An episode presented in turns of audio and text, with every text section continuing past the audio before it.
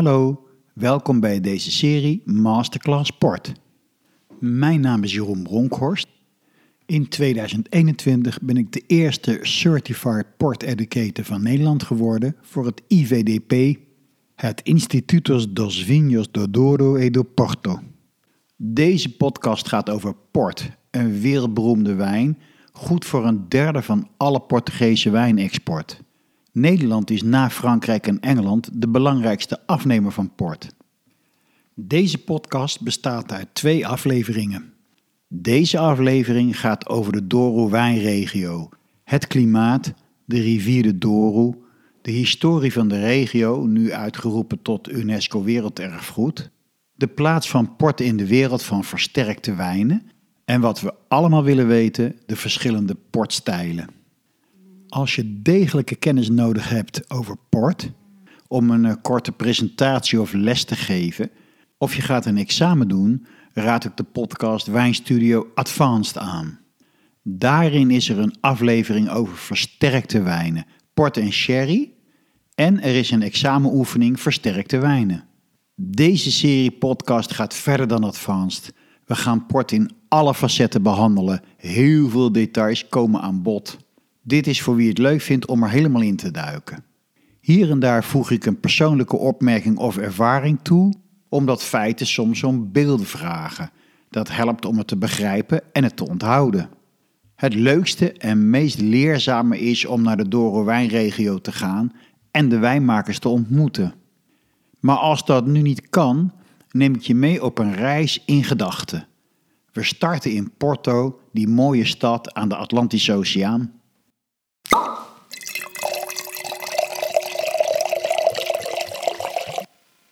Daar ben je dan in Porto en het eerste wat je opvalt is de verkeerschaos. Het zit echt wel verstopt. Maar het is ook gezellig en vooral s'avonds wordt het heel erg leuk. Leuk verlicht. Vooral langs het water, langs de rivier. En dan ga je daar slenteren. En je ziet de hele tijd die mooie Ponte Don Luisbrug. Van allemaal stalen delen aan elkaar gezet. Die bestaat uit een wegdek en 40 meter daarboven nog een wegdek met een mooie boog ertussen. Dan wandel je over die brug van Porto, wat aan de noordkant van de rivier ligt, naar Villa Nova de Gaia aan de zuidkant. En terwijl je over die brug loopt, hoor je de metro boven je denderen. En het zal je ongetwijfeld opvallen, die brug doet je aan iets denken en dat is de Eiffeltoren. Het is net alsof je de Eiffeltoren op zijn kant ziet liggen. En dat klopt, want de architect was een voormalig leerling van Gustav Eiffel. Je bent nu in Villanova de Gaia aangekomen. De plaats waar alle shippers hun lodges hebben en waar alle wijnen opgeslagen en gerijpt worden. Een shipper is een portwijnmaker die port onder een eigen wijn uit mag brengen. Die lodges zijn enorme schuren. Port wordt over het algemeen niet in kelders bewaard, maar gewoon in schuren in opslagruimtes boven de grond. Het is tegenwoordig een zeer commercieel gebeuren geworden daar in Villanova. En je komt al gauw bij het WOW terecht, World of Wine. En bij het Chocolademuseum.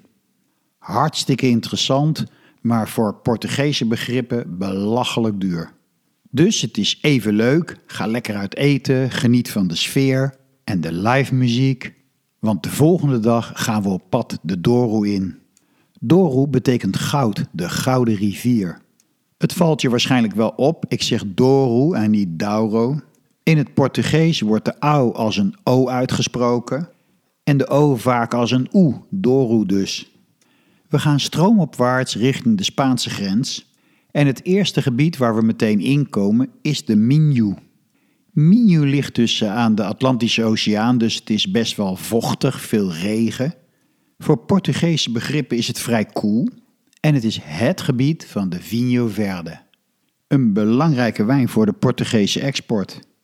Vinho Verde is er zowel in wit als rood en het is als een soort oerdruif behandeld, zoals de druif vroeger eigenlijk van nature leefde. Een druif gebruikt een boom als een klimpaal. Hij zuigt hem niet leeg zoals een klimop dat doet. Nee, hij gebruikt hem alleen maar om heel snel naar boven te komen. Om zo snel mogelijk het licht te bereiken. De druif is in feite een enorm hard groeiende wingerd. Traditioneel werden Vigno Verde druiven zo geleid in bomen. Dat gebeurt hier en daar nog wel, maar het is nu vooral pergolateelt. En omdat die druivenstok een lang stuk moet klimmen, verliest hij energie. Dus de druiven rijpen langzamer af. En ze worden ook nog eens enigszins onrijp geplukt. Daarbovenop wordt de malolactische omzetting niet toegestaan. Je weet waarschijnlijk wel wat dat is. Bacteriën zetten het harde appelzuur om, de malo, in het zachte melkzuur, lacto. Als je dat verhindert, met name door koelen, hou je een scherper zuur over. En dankzij die drie methodes, lange groei, een vroege oogst en geen malo, behoudt Vigno Verde zijn hoge zuren. En dat is de typische stijl daarvan. Overigens wordt er net zoveel rode Vigno Verde geproduceerd als wit, maar in Nederland wordt rode Vigno Verde bijna niet verkocht. Wij vinden hem niet lekker, we vinden hem veel te straf. Hij heeft ook nog aardig wat tannine. Alles bij elkaar vinden wij die stijl als Nederlander een beetje te veel. Maar het is wel bij uitstek de wijn voor hele warme dagen. Want dan wil je vooral veel frisheid, zuur. We rijden door de Minho heen naar het oosten. En na zo'n 80 kilometer begint de Douro wijnregio. Je ziet meteen dat het heuvelachtig wordt.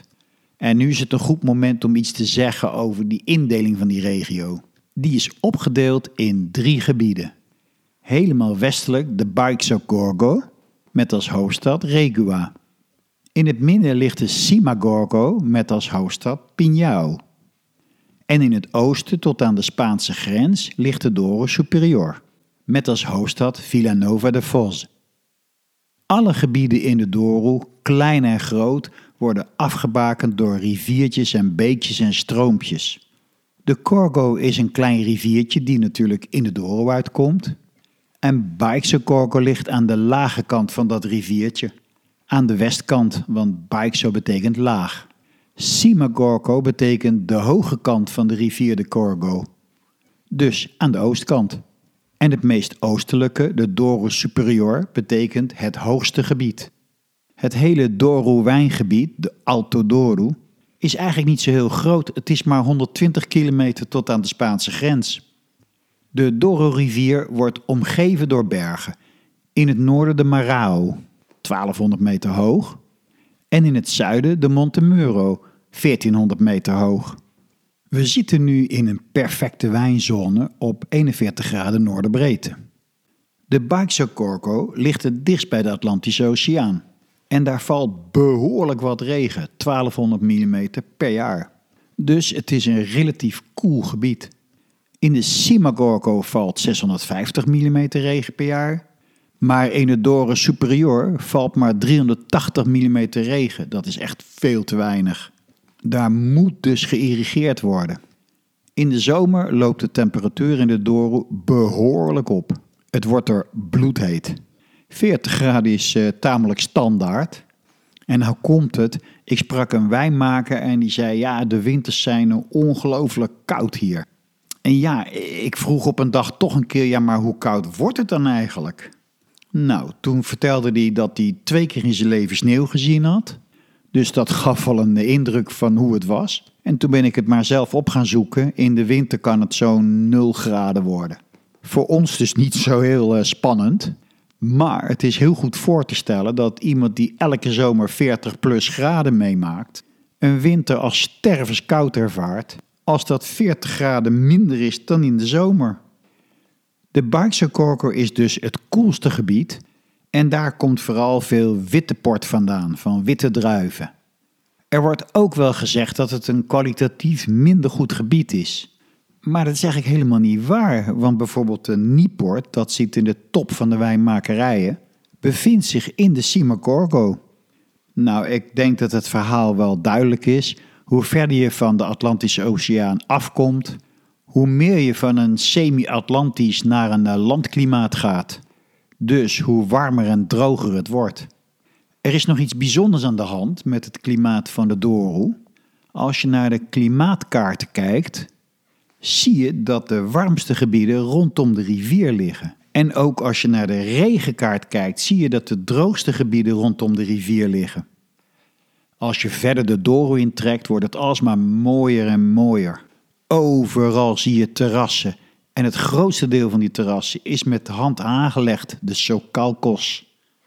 Dat moet een ongelooflijk werk geweest zijn en het moet ook allemaal onderhouden worden. Want als je dat niet bijhoudt, dan vallen al die muurtjes weer om. Dit hele Doro-gebied wordt dus de Alto Doro genoemd en het is er zo mooi dat het door UNESCO uitgeroepen is tot werelderfgoed. Op de terrassen worden behalve druivenstokken ook olijven en amandelen geteeld. En ik vind het ook heel belangrijk om te vermelden: er komt niet alleen maar prachtige port vandaan. Er komen ook steeds meer zeer goede stille wijnen vandaan, niet versterkte wijnen. Je weet nu in grote lijnen iets over het klimaat en het is ook wel goed om iets over de bodem te zeggen. De bodem in de Douro-wijnregio bestaat voornamelijk uit schiste en lijsteen. Lijsteen, dat is klei die samengepest is tot laagjes en die laagjes liggen allemaal bovenop elkaar. En dat is zo sterk en glad dat je daar dakpannen van kunt maken. Maar als de bodem later weer begint te bewegen, en dat doet hij constant, gaat die lijsteen ook op zijn zijkant liggen, breekt door midden en laat dan juist het water heel goed door. Steensoorten hebben ook allemaal een levensloop, hoe gek het ook klinkt, want we hebben het over miljoenen jaren. Maar uiteindelijk gaat lijsteen het ook begeven en dan wordt het schiste. Dan valt het uit elkaar, dan wordt het brokkelige grond. En dat is eigenlijk een perfecte bodem voor druiven. Het water kan er makkelijk doorheen en het wordt snel naar beneden afgevoerd. En er gaat niets verloren, want het komt terecht op hardere lagen en daar blijft het liggen. De wortels van de druivenstok kunnen er ook goed doorheen komen, dus die kunnen dat water weer vinden. En zo overleven druivenstokken in hele droge tijden. Met name oude druivenstokken die hele lange wortelstelsels gemaakt hebben. Als je de kaart van het Doro wijngebied bekijkt, zul je zien dat in het noorden van de Simagorgo een groot kaal gebied is waar geen druiven groeien. En daaromheen weer wel. En dan kom je bij het derde bodemtype van de Doro uit, basalt. Dat is natuurlijk een totaal andere bodem, want basalt is een vulkanisch gesteente. Een heel bekend gebied voor basaltsteen is de Beaujolais, maar daar ligt er een laag vruchtbare aarde overheen. In de Doro is dat niet gebeurd. Het is gewoon kale basalt en daar groeit helemaal niks op. Tot zover klimaat en bodem, terwaar zou je kunnen zeggen. Eén ding valt mij in Portugal altijd op, meer dan in welk ander land ook. Als je met mensen praat, gaat het heel gauw over de historie. En ik vind de historie van uh, Portugal en met name de Douro heel interessant, want dat is heel bepalend voor de wijnbouw geweest. En de Engelsen hebben daarin een belangrijke rol gespeeld. Engelsen zijn altijd al wijnkopers geweest. Ze dronken zelf veel wijn, maar ze verhandelden ook heel veel. En al in de 16e eeuw was Bordeaux een hele belangrijke havenstad, want daar haalden ze de meeste wijn vandaan. Maar er was natuurlijk ook voortdurend oorlog tussen Engeland en Frankrijk. Het was voor Engelse zeelui wel geoorloofd om eh, Franse schepen te plunderen en lekkere wijn mee naar huis te nemen. En dat gebeurde dan ook best vaak. Maar wijn kopen in Bordeaux, dat was not done in oorlogstijd. Die wijnstroom droogde dan op en dat kon natuurlijk niet, dus gingen de Engelsen het verder opzoeken. En waar kwam je dan terecht? Ja, in Porto, de eerste grote zuidelijke wijnhavenstad. Wijn werd natuurlijk vervoerd met schepen. En Porto kon de Engelsen voorzien van uitstekende wijn. Daar hadden ze beide veel profijt van. De Engelsen kochten wijn en olijfolie en ze namen wol en katoen mee, gewoven producten en granen. In 1651 kwam er een kink in de kabel met de Navigation Acts, wetgeving die bedoeld was om de Engelse belangen zo goed mogelijk te beschermen. Er mocht alleen nog maar aan Engeland geleverd worden door Engelse zeelui in Engelse schepen en je mocht als buitenstaander ook niet meer aan de Engelse koloniën leveren. Maar er waren allerlei vriendschappelijke contacten tussen Engeland en Portugal. En in 1703 werd de Methuen Treaty getekend. Dat hield in dat Engelsen zonder belasting producten konden leveren aan Portugal en dat Portugal aan Engeland producten kon leveren, voornamelijk dus wijn en olijfolie, voor een derde van het belastingtarief. Methuen was de naam van de Engelse onderhandelaar. Ik zou zeggen, het is een beetje een ongelijke deal. Maar de Portugezen waren er erg blij mee en het heeft ze economisch enorm vooruit geholpen. Heel lang was port een onversterkte wijn. Maar dat gaf wel een probleem, dat kon bederven onderweg en dat gebeurde ook. Want de reis was lang, de wijn werd vervoerd met zeilschepen. En het weer werkte niet altijd mee. Soms lagen die schepen twee weken te wachten op de juiste wind.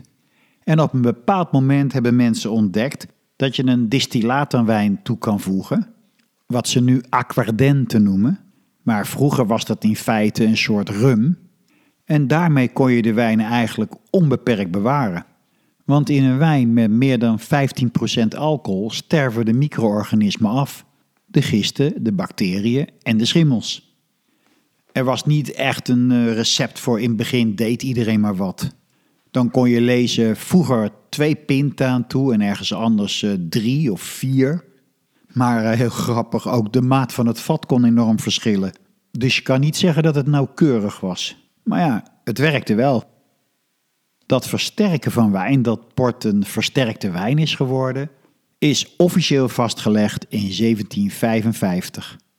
En heel interessant, al in 1756 werd bij Christie's, dat beroemde veilinghuis in Londen, al een eh, vintage port geveild. Portugal is heel lang een land geweest van grootgrondbezitters. In feite is dat eigenlijk pas echt veranderd in 1986, toen Portugal bij de EU kwam. Wat je nog steeds ziet is dat er een paar families zijn die bijna alle porthuizen in handen hebben. En de bekendste daarvan is natuurlijk de Symington-familie. Eigenaar van Dow's, Warris, Graham's, Coburns en Croft. En nog meer beroemde merken. Maar ze zijn ook nog eens eigenaar van 27 quinta's. Wijnboerderijen waar de wijn geproduceerd wordt, waaronder de allerberoemdste zoals Quinte de Vesuvio en Quinte de Bonfem en Quinte de Roriz. Symington is zelfs de partner van Madeira Wine Company, samen met Blendy's de allerbekendste Madeira. En dan heb je ook nog Taylors, de eigenaar van het beroemdste hotel van Portugal, de Yeatman. Erg mooi, je moet er zeker naartoe. Je hebt een heerlijk uitzicht over het terras en je kan lekker lunchen. Je kan er natuurlijk ook heel fijn slapen, maar dan moet je wel een hele dikke creditcard meenemen. Taylors en Symington maken samen vier vijfde van alle portwijnen. In de 17e eeuw was port beroemd om zijn goede kwaliteit, maar zoals overal en altijd, dat trekt fraudeurs aan. En mensen gingen port maken in andere streken. Om fraude tegen te gaan en om de kwaliteit te beschermen, werden een paar wijnregio's afgebakend als kwaliteitswijngebied. De druiven mochten alleen daar vandaan komen en alleen daar mocht de wijn gemaakt worden. Het eerste gebied dat dat instelde was de Tokai in Hongarije. Daarna volgde Toscane en daarna de Douro. In 1765 was de Douro de eerste afgebakende wijnregio van Portugal. Dat was vooral te danken aan één man, Marquis de Pombal. Een hele vooruitstrevende minister die duidelijk een toekomstbeeld over de Douro had. Om die wijngebieden af te bakenen liet hij Pombalino maken. Granieten, gegraveerde, genummerde stenen, die werden bovenop een heuvel gezet. En dat gaf aan, dit hele gebied hieronder behoort tot dit wijngebied. Dat noem je ook een Marco de Feitoria, oftewel een productiegebied. Aan die gebieden werd dus ook allerlei wetgeving gekoppeld wat je nu klassificaties noemt. En die gelden vandaag de dag nog steeds. Wijn in Portugal is heel streng gereguleerd en gecontroleerd. Een producent mag alleen wijn uit geregistreerde pipes verkopen. Een producent krijgt toestemming om een bepaalde hoeveelheid wijn te verkopen, afhankelijk van de kwaliteit van het gebied en afhankelijk van de verkopen in de afgelopen vijf jaar. En zelfs de prijzen worden vastgesteld. Wijnen die je van buitenaf invoert, mag je niet gebruiken om port te maken. Een eeuw later, in 1865, werd ook het Douro Superior gebied aan de Douro-regio toegevoegd. Er is nog steeds imitatie van port. Binnen Europa is het allemaal goed geregeld. Niemand mag zijn wijn zomaar port noemen. En de eerste voorwaarde is natuurlijk dat de wijn uit die geregistreerde regio moet komen. Maar met die wetgeving hebben ze in Amerika en Australië niks te maken. Een wijnmaker heeft me uitgelegd hoe het werkt. Als jij een product wilt beschermen, moet je gaan onderhandelen. Met andere landen, met hele grote partijen. Dat lukte Portugal pas goed toen ze in de EU kwamen. Want toen konden ze samen met andere landen een blok vormen. Maar als je iets voor jezelf wilt bereiken, moet je ook wat te geven hebben. En niet iedereen vindt dat de moeite waard of heeft zin om daaraan mee te doen. En zo kan het dat je in Amerika de Haag Winery hebt in Texas en die produceert vrolijk port en Madeira. Je treft daar labels aan met de titel Reserve Tawny Port. En ook in Australië kom je port tegen. Met Zuid-Afrika zijn ze iets verder gekomen, hebben ze wel een goede deal gesloten. In Klein Karoo, dat enorme en warme wijngebied, waar de druiven goed rijp worden en veel suiker bevatten en dus ook veel alcohol geven, worden wijnen gemaakt in de stijl van een port. Die heette vroeger ook port, maar nu hebben ze wel een elegante oplossing gevonden. Je hebt er nu de Cape Ruby en de Cape Tawny enzovoort. Nou, dat lijkt mij een mooi compromis. We gaan verder met de historie van de laatste 50 jaar. Portugal werd geleid door een dictator, Salazar, en die wilde voortdurend zijn koloniën behouden. En hij was bereid om daar oorlog voor te voeren. Dan heb je het over Mozambique, Guinea-Bissau, Angola, Kaapverdië en Oost-Timor. Allemaal landen waar ook nog Portugees gesproken wordt. Er ging zoveel geld naar die oorlogen toe dat Portugal het armste land van Europa werd. De mensen waren de armoe zat en de mannen wilden niet meer vechten in een vreemd land. En in 1974 gebeurde er iets heel bijzonders, de Anje-revolutie. Het volk kwam in opstand tegen de militairen. En die stonden overal met hun geweren klaar. Maar wat deden mensen? Ze staken Anjes in de geweerlopen. En zo is die naam ontstaan. Dat is goed afgelopen. Salazar moest het veld ruimen. Het was zo'n twee jaar lang nogal chaotisch, maar uiteindelijk ontstond er een echte democratie.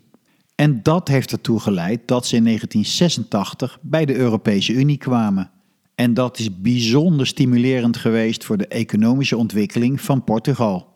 In Spanje gebeurde iets vergelijkbaars. In 1975 overleed dictator Franco. Daarna ontwikkelde de democratie zich en ook Spanje kwam bij de Europese Unie in 1986. Direct na de toetreding van Portugal werd vastgesteld dat vintage port alleen nog maar gebotteld mocht worden in Portugal. En nu zijn we in de 21ste eeuw aangekomen en hoe staat de portwijn ervoor? Ik ga het je vertellen, maar ik denk dat het ook leuk is als je er zelf even over nadenkt. Port noem ik altijd de big brother van de Fortified Family. De beroemde drie versterkte wijnen, port, sherry en madeira. Natuurlijk is er ook nog vermoed, maar die valt eigenlijk overal buiten. Want vermoed mag overal gemaakt worden van elke druif. Vermoed vindt zijn oorsprong in de Piemonte in het eh, Barolo-gebied. Het werd gemaakt van de Nebbiolo-druif. Oorspronkelijk van eh, minder mooie oogsten, waarbij de wijn lekkerder gemaakt werd met een hoop kruiden en suiker. Maar dat is nu anders. Er wordt nu hele fijne, mooie vermoed gemaakt op een heleboel plekken in de wereld. Dus er is ook eh, vermoedproductie in Duitsland. De vermoedproductie is groot, maar het is niet gebonden aan een regio en niet gebonden aan een druif, dus ik tel het nu niet mee. Als je nu die drie wijngebieden met elkaar vergelijkt, wat denk je? Madeira, sherry en port. Hoeveel hectares wijnbouw zijn er? Nou, in Madeira is dat 408 hectare. En dat is echt heel weinig. In de sherry in Geres is het 7142 hectare. En het Douro-gebied is goed voor 43.000 hectare wijnbouw. En dan kijken we naar de productie van wijn in hectoliters per jaar. Madeira ruim 26.000, sherry 281.000 en port 705.000 hectoliter. Het aantal wijnboeren laat een wat andere verhouding zien. Er zijn 2000 wijnboeren in Madeira, 1547 in Sherry, dus veel groter, maar veel minder mensen, en ruim 19.000 wijnboeren in de Douro. En dan als laatste de producenten. Er zijn slechts 8 wijnproducenten in Madeira en 31 in de sherry en 255 in de port. Had je dit een beetje verwacht? Ook interessante cijfers vind je over het aantal hectares per wijnboer. Een wijnboer in Madeira bezit gemiddeld iets meer dan 0,2 hectare. Een wijnboer in de port 1,6. En een wijnboer in de sherry 4,6 hectare. En daar is wel een verklaring voor. Het sherrygebied is heel plat, het is heel makkelijk te bewerken. Dus je kunt met veel minder mensen toe. En als laatste nog een interessant gegeven: de maximum opbrengst per hectare. Dat is voor port 55 hectoliter per hectare, maar de gemiddelde opbrengst is 30 hectoliter per hectare. Dat is behoorlijk weinig, wat aangeeft dat portwijnen erg geconcentreerd zijn. 81% van de portwijnen is rood en 19% is wit en er is ook nog een klein beetje rosé. En ik zei het al eerder, de stille wijnen, de niet versterkte wijnen, zijn erg in opkomst. En hoe denk je dat het zit met de verkoopmarkten voor port? Wat zou exportland nummer 1 zijn? Nou, dat zou je misschien verbazen, dat is Frankrijk by far. Daarna komt Engeland, daarna komt Portugal zelf, daarna Nederland en daarna de Verenigde Staten. We zijn dus nog steeds een heel belangrijk exportland voor port. En dan wilde ik je ook nog iets vertellen aan de hand van getallen over het economisch belang van de door en de port voor Portugal. Dat is kort gezegd enorm. De Douro is de grootste wijnregio van Portugal, 23% van alle wijnbouw, 20% van alle wijnproductie, 36% van alle kwaliteitswijnen en 43% van alle wijnexport. Daarbinnen neemt port natuurlijk een belangrijke plek in. Port is 35% van alle wijnexport en het is goed voor maar liefst 57% van alle kwaliteitswijnexport. Port wordt verkocht in 105 landen. Ik hoop dat je niet uh, moe geworden bent van al die cijfers. Ik ben niet zo'n uh, cijferfanaat. Maar deze getallen zeggen echt iets over het belang van port voor de Portugese economie. Iets anders is dat je het misschien ook wel leuk vindt om te weten welke stijlen er verkocht worden. Portugezen en Fransen gaan voor de tonies. In Engeland en Nederland worden vooral rubies gedronken.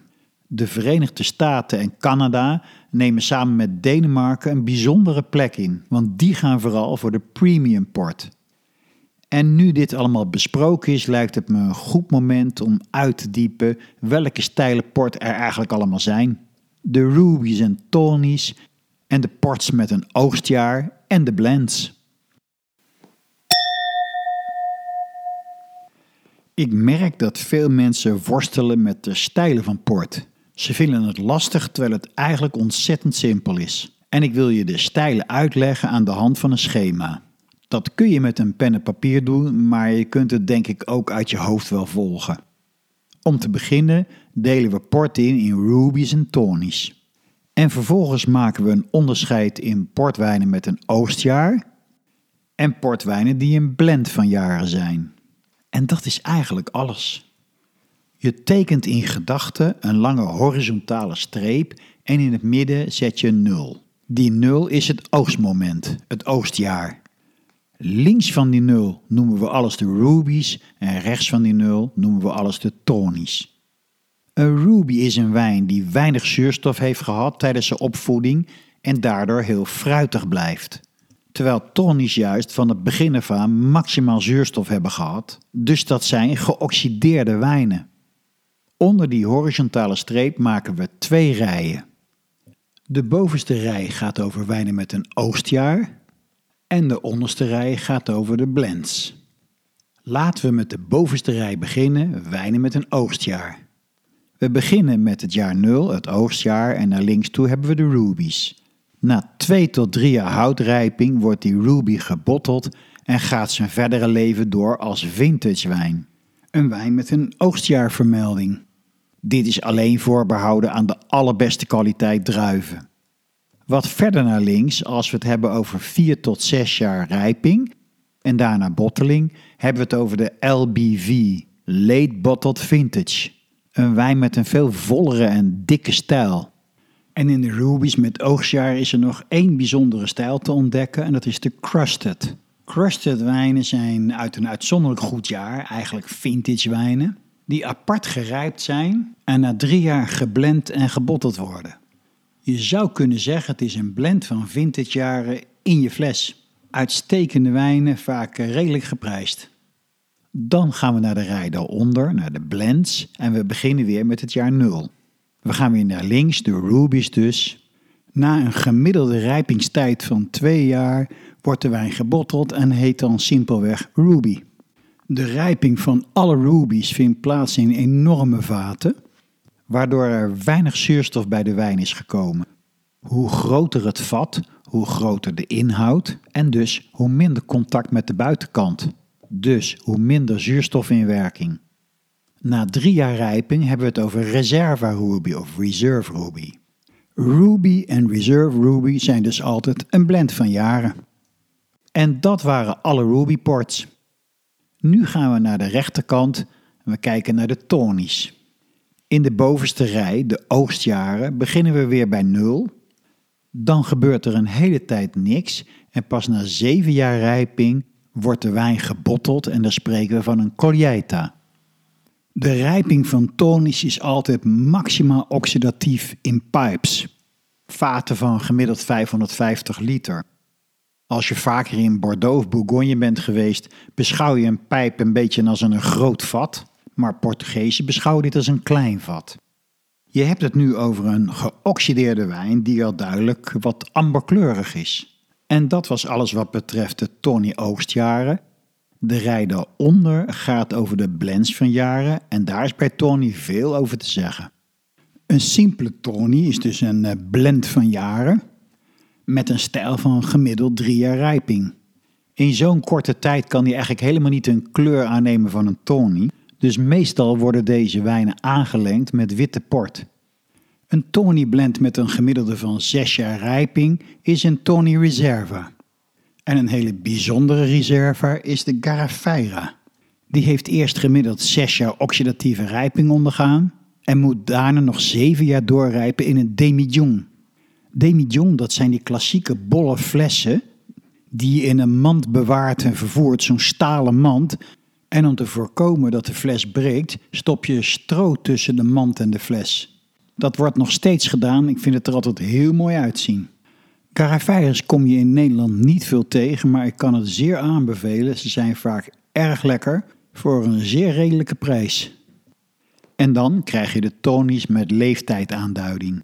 Die zijn voorgeschreven en het is erg makkelijk te onthouden. Je hebt tonies in 10, 20, 30, 40 en 50 jaar en 50 plus. En hiermee heb je het hele schema van de stijlen van port gehad. Ik hoop dat ik het duidelijk uitgelegd heb als je dat schema voor je ziet, is het echt niet moeilijk meer. Je weet nu de theorie, ik zal verder ingaan op de stijlen. Om te beginnen de rubies. Rubies hebben over het algemeen een korte rijping ondergaan op grote vaten. Maar we hebben het over vaten, het kan ook roestvrij staal zijn. Of beton. De grap met port is, het is helemaal niet voorgeschreven. De bewaartijd van een port met leeftijdaanduiding is vastgelegd. De stijl, het profiel van de wijnen, zowel fysiek als proeftechnisch, is ook vastgelegd. Maar of je op hout lagert en wat voor hout en hoe groot die vaten zijn, mag je helemaal zelf weten. Maar bij rubies wil je natuurlijk oxidatie voorkomen, dus gebruik je hele grote vaten. De kenmerkende stijl van een ruby is primair rood fruit. Rode en zwarte kersen, bramen en bessen. En dat is heel bijzonder, dit geldt zelfs voor hele oude rubies. Want wat zijn de alleroudste rubies? De vintage ports. Dat zijn in feite ruby ports. En na 100 jaar kunnen die nog steeds dat primaire fruit hebben. Het is ongelooflijk eigenlijk dat het kan, maar het is zo. Als we kijken naar rubies met oogstjaar, zijn de LBV's de eenvoudigste. Na vier tot zes jaar rijping worden ze gebotteld en zijn ze meteen klaar om te drinken. De stijl van een late bottled vintage is altijd heel veel fruit, veel body, dik en rond. En sommige LBV's stijgen er echt nog bovenuit met hun complexiteit. Ik ben persoonlijk een grote fan van Quinto Romaneira LBV, maar het is niet de enige mooi hoor. Omdat hij dat fruit en die volheid combineert met complexiteit. De vintage wijnen daarentegen rijpen 2 tot 3 jaar, dan worden ze gebotteld. En ze zijn niet bedoeld om te drinken jonger dan 10 jaar. Als iemand mij vraagt wanneer drink je een vintage port, dan is mijn antwoord eigenlijk altijd: je drinkt hem altijd te jong, te vroeg. 10 jaar is het minimum, dat weten we allemaal. Daarvoor noemen we het kindermoord. Maar eh, na 20 jaar is die echt wel wat lekkerder. En na 30 jaar nog een stukje beter. En na 40 jaar is die nog lekkerder. 50 is mooi, 60 is bijzonder, 70 is heel mooi. Nou ja, ga zo maar door. Een goede vintage sport kan makkelijk 100 jaar worden en dan uitstekend smaken. Dan is er nog de Single Quinta. Dat is een eh, vintage wijn van een specifiek wijnhuis. Ook een wijn die dus 2 tot 3 jaar gerijpt is voor botteling. Dat is een hoge kwaliteit wijn, bedoeld om te bewaren. Precies hetzelfde als een gewone vintage. Bij de blends hebben we de gewone Ruby. Dat is de eenvoudige stijl portwijnen. Het suikergehalte van een port ligt tussen de 85 en de 130 gram per liter. In de praktijk is dat meestal 90 of 100 gram. Witte port heeft dezelfde leeftijdsaanduiding als tonisch. En ze hebben ook dezelfde zoetheid, maar hier zijn nog een aantal andere zoetheidsgradaties mogelijk. Je hebt nog sec en extra sec en je hebt lacrima wat heel zoet is. In het tweede deel van deze podcastserie zal ik dat ook behandelen. Een gewone Ruby port is niet zoeter dan andere portwijnen, maar hij komt wel vaak zoeter over, omdat er niet zoveel anders aan te ontdekken valt. Als je een keer mooie portwijnen hebt geproefd, is een gewone Ruby niet zo interessant meer. Dan krijg je de reserva's met drie jaar rijping, meestal wel van een betere kwaliteit druiven. Tot zover alle Rubies. Laten we naar de Tonies kijken. Tony kun je in het Nederlands vertalen als taan. En taankleurig betekent zo'n donkere amberkleur, geel-bruin. Tony ontleed zijn naam aan de vroegere zeilen van schepen. Alle portwijnen werden in vaten met zeilschepen over de rivier de Douro naar Villanova de Gaia vervoerd. Overigens niet zonder gevaar, vroeger was de Douro een hele wilde rivier. Nu is dat met sluizen gedempt. Zeilen gebruik je op het water en eh, in een vochtige omgeving. En katoen is gevoelig voor schimmel. Dat tast natuurlijk die zeilen aan. Je kunt die zeilen conserveren door ze te koken in water met eikenschors. Eikenschors bevat zeer veel tannine. En tannine, ja, dat is een cadeautje van de natuur, dat werkt conserverend. Een ander woord voor tannine is loozuur. En zoals je misschien wel weet, wordt alle leer ook met loozuur bewerkt om het houdbaar te maken. Door dat koken met eikenschors kregen die zeilen een bruine kleur. En die kleur noemden ze Tony en daar heeft deze portstijl zijn naam aan te danken. Welke Tonys zijn er eigenlijk? Om te beginnen die met een oogstjaar, dat zijn er twee. De eerste en de bekendste is de Colheita. Die heeft zeven jaar oxidatieve rijping ondergaan en is dan gebotteld. Ook Colheita kan je ontzettend lang bewaren. Het zijn altijd de topkwaliteit druiven die daarvoor gebruikt worden. Ik heb Colheita gedronken van 100 jaar oud en die smaakte fantastisch. En de enige andere Tony met oogstjaar is de Garrafeira. Dat is Portugees voor wijnkelder. Een Garrafeira is een bijzondere stijl. Hij heeft zes jaar oxidatieve rijping gehad en daarna gaat hij nog zeven jaar in een demijohn. De stijl van Tonisch is oxidatief. Waarschijnlijk weet je wel wat dat inhoudt. Het primaire fruit is verdwenen en daar weer in de plaats zijn de oxidatieve tonen gekomen. De noten, met name walnoten, de koffie, de toffee, de chocola en het gedroogde en gestoofde fruit. Bij de meeste wijnen is uh, oxidatie een fout. Dan zul je de wijn door de gootsteen moeten spoelen. Maar bij veel versterkte wijnen is het juist heel gewenst. Alle Madera's, Oloroso Sherry en de Tawny Ports. Nou, en uh, daarmee hebben we alle stijlen van port behandeld. Ik geef toe, ik kan me voorstellen met al die details kan het toch een beetje ingewikkeld zijn. Maar onthoud gewoon de basis, dat schema. Je hebt de niet-oxidatief gerijpte rubies en je hebt oxidatief gerijpte tonies. En daarbinnen heb je wijnen van een bepaald oogstjaar of wijnen van een blend van jaren. Dat is de basis van de portwijnstijlen. Als je weer eens in een gezelschap met eh, wijnliefhebbers bent en je hebt het over port, dan kun je ze de vraag stellen: Je hebt port van 10, 20, 30, 40 en 50 jaar. Wat betekent dat eigenlijk? Dan krijg je allerlei antwoorden. De meest voorkomende is natuurlijk de gemiddelde leeftijd, of zoals bij gedistilleerd, de jongste wijn. Maar het is allemaal niet waar. De leeftijdaanduiding van een blend van port is geen minimale leeftijd, zoals dat bij rum het geval is, en ook geen feitelijke gemiddelde leeftijd. Het is een indicatie van stijl. En om dat te begrijpen moet je wat meer weten van het IVDP, het Instituto dos Vinhos do Douro e do Porto. Die controleert en certificeert alle portwijnen. Als de wijn correct bevonden wordt voor de aangeboden stijl, mag die op de markt komen. En dan krijgt hij een Celo de Garantia. En dat zie je, let de volgende keer maar eens op als je een fles port koopt. Dat zegel moet altijd op de fles over de kurk heen gelijmd zijn. Als je een portwijn drinkt, moet je dus het certificaat verbreken. Dat Celo de Garantia is ook een belangrijk belastingzegel. Een wijnmaker krijgt precies zoveel Celos de Garantia als dat hij aangevraagd heeft, indien goedgekeurd door het IVDP. Hoe gaat dat in zijn werk? Een wijnmaker heeft een bepaalde stijl gecreëerd en biedt het IVDP een aantal flessen aan en die verdelen dat onder twee teams. Een aantal flessen gaan naar het laboratoriumteam en een aantal flessen gaan naar het proefteam.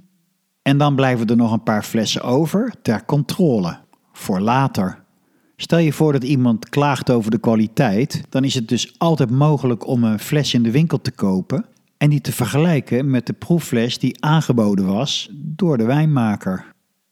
Dan gaan de teams aan de slag. De vraag voor beide teams is heel simpel.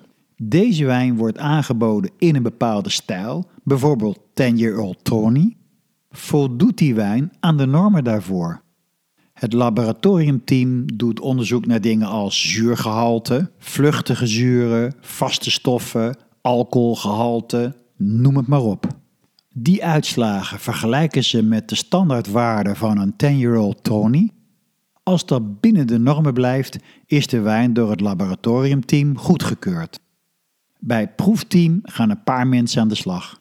Ik heb het gezien, ik vond het prachtig om mee te maken. Die mensen zitten in een afgesloten ruimte, volledig gecontroleerd. De temperatuur van de ruimte is vastgesteld. Het is totaal geluiddicht. En ook het aantal lumen, de lichtsterkte en zelfs de kleur van het licht is vastgesteld. De proever krijgt een aantal glazen voor zijn of haar neus, of ik moet eigenlijk zeggen de proevers, het zijn er meerdere. En er moeten dan tien vragen beantwoord worden. Ze proeven heel anders dan dat wij proeven. Ze proeven puur technisch. Dus er komt geen uh, proefnotitie uit als uh, hazelnoten en chocola en karamel. Er komt alleen uit, voldoet deze wijn aan de normen voor een 10-year-old Tony. Als het laboratorium of het proefteam niet akkoord is, wordt de wijn afgekeurd. En wordt die teruggestuurd naar de wijnmaker. En de wijnmaker mag dezelfde wijn niet meer opnieuw voor dezelfde stijl aanbieden. Meestal wordt er dan een nieuwe blend gemaakt. De wijnmaker kan bezwaar maken en dan moet er opnieuw getest worden. Het leuke van dit systeem is dat het laboratoriumteam en de proevers geen idee hebben van wie de wijn afkomstig is. Ze kennen ook niet de kwantiteit van de partij. Het zouden duizend flessen kunnen zijn, het zouden er ook honderdduizend kunnen zijn. Voor hun heeft deze wijn gewoon een nummer. Laboratorium en proefteam hebben dan ook geen overleg met elkaar. Ze hoeven ook helemaal niet tegelijkertijd met dezelfde wijn bezig te zijn. De adviezen van beide teams komen bij één persoon terecht.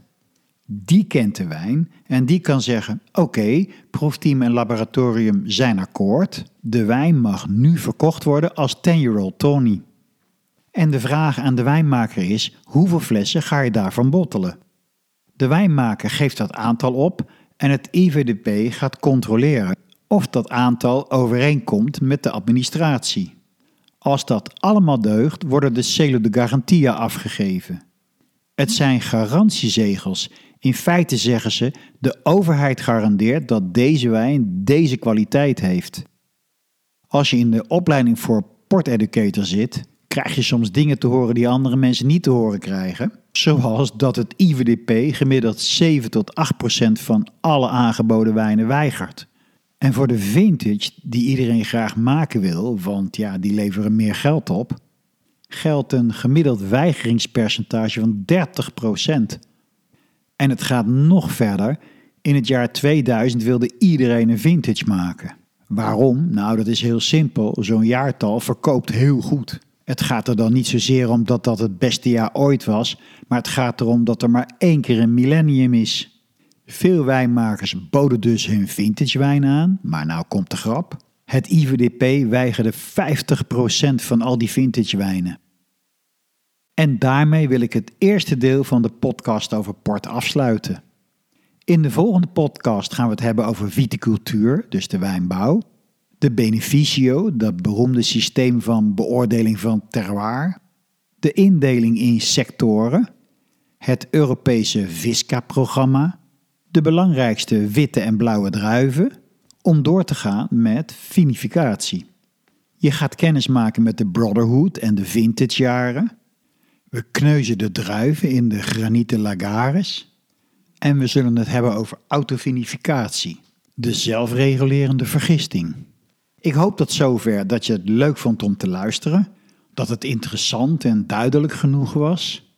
En ik nodig je van harte uit om de volgende podcast in deze serie te volgen. Mijn naam is Jeroen Bronkhorst en deze podcast wordt je aangeboden door de Wijnstudio. Tot de volgende.